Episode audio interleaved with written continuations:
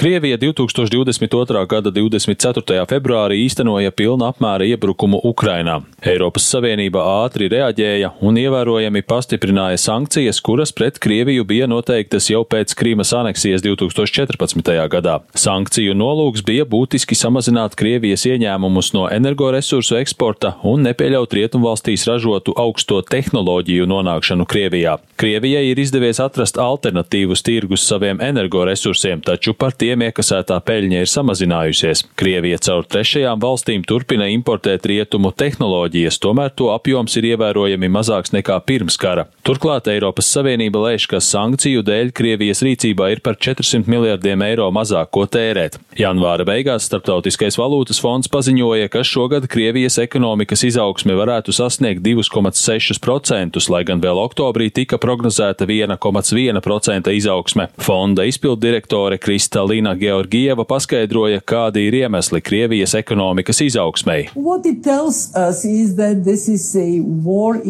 Tas liecina par to, ka šī ir kara ekonomika, kurā valsts, kam bija ļoti ievērojamas rezerves, kas veidojušās daudzu gadu laikā, ievērojot fiskālo disciplīnu, investē šajā kara ekonomikā.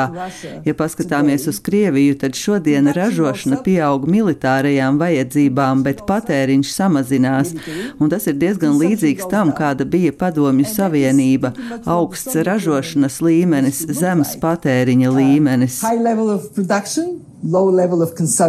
Šogad Krievijas izdevumi aizsardzībai veidos aptuveni 40% no kopējiem budžeta izdevumiem. Kopš kara sākuma Krieviju ir pametuši vairāk nekā 800 tūkstoši cilvēku. Daudzi no viņiem ir augsti kvalificēti speciālisti un zinātnieki, kuru aizplūšana nenāk par labu ekonomikai, norādīja Georgieva.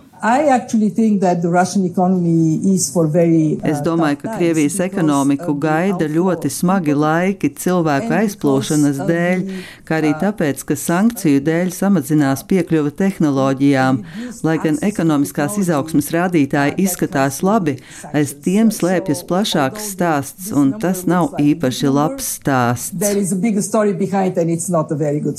Eiropas Savienības ārlietu vadītājs Žuzeps Borels uzsvēra, ka Krievijas ekonomikas izaugsme ir saistīta tikai un vienīgi ar milzīgajiem militārajiem izdevumiem. Borels to nodēvēja par militāro keinsismu, atsaucoties uz britu ekonomista Džona Meinarda Keinsa teoriju, ka lielāki valdības izdevumi aizsardzībai sekmē ekonomikas izaugsmi.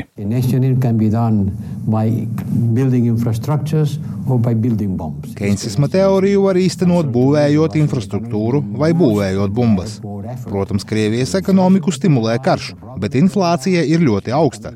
Rubļa vērtība ir ievērojami samazinājusies. Ienākumi no energoresursu pārdošanas arī ir samazinājušies. Nē, Krievijas ekonomikai neiet labi.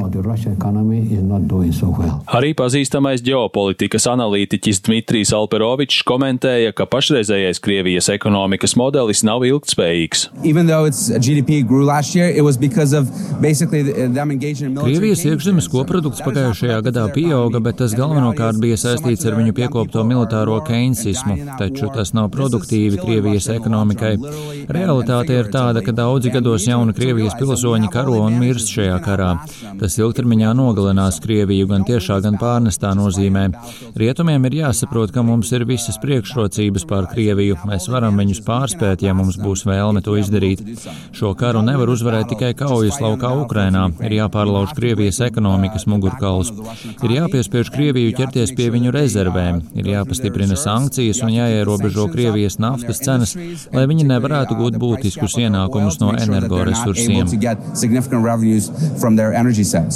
Eiropas Savienība vēlas līdz kara gada dienai 24. februārim apstiprināt 13. sankciju paketi pret Krieviju, taču pagājušajā nedēļā tās pieņemšanu bloķēja Kremlim draudzīgā Ungārija. Uldis Česberis, Latvijas radio.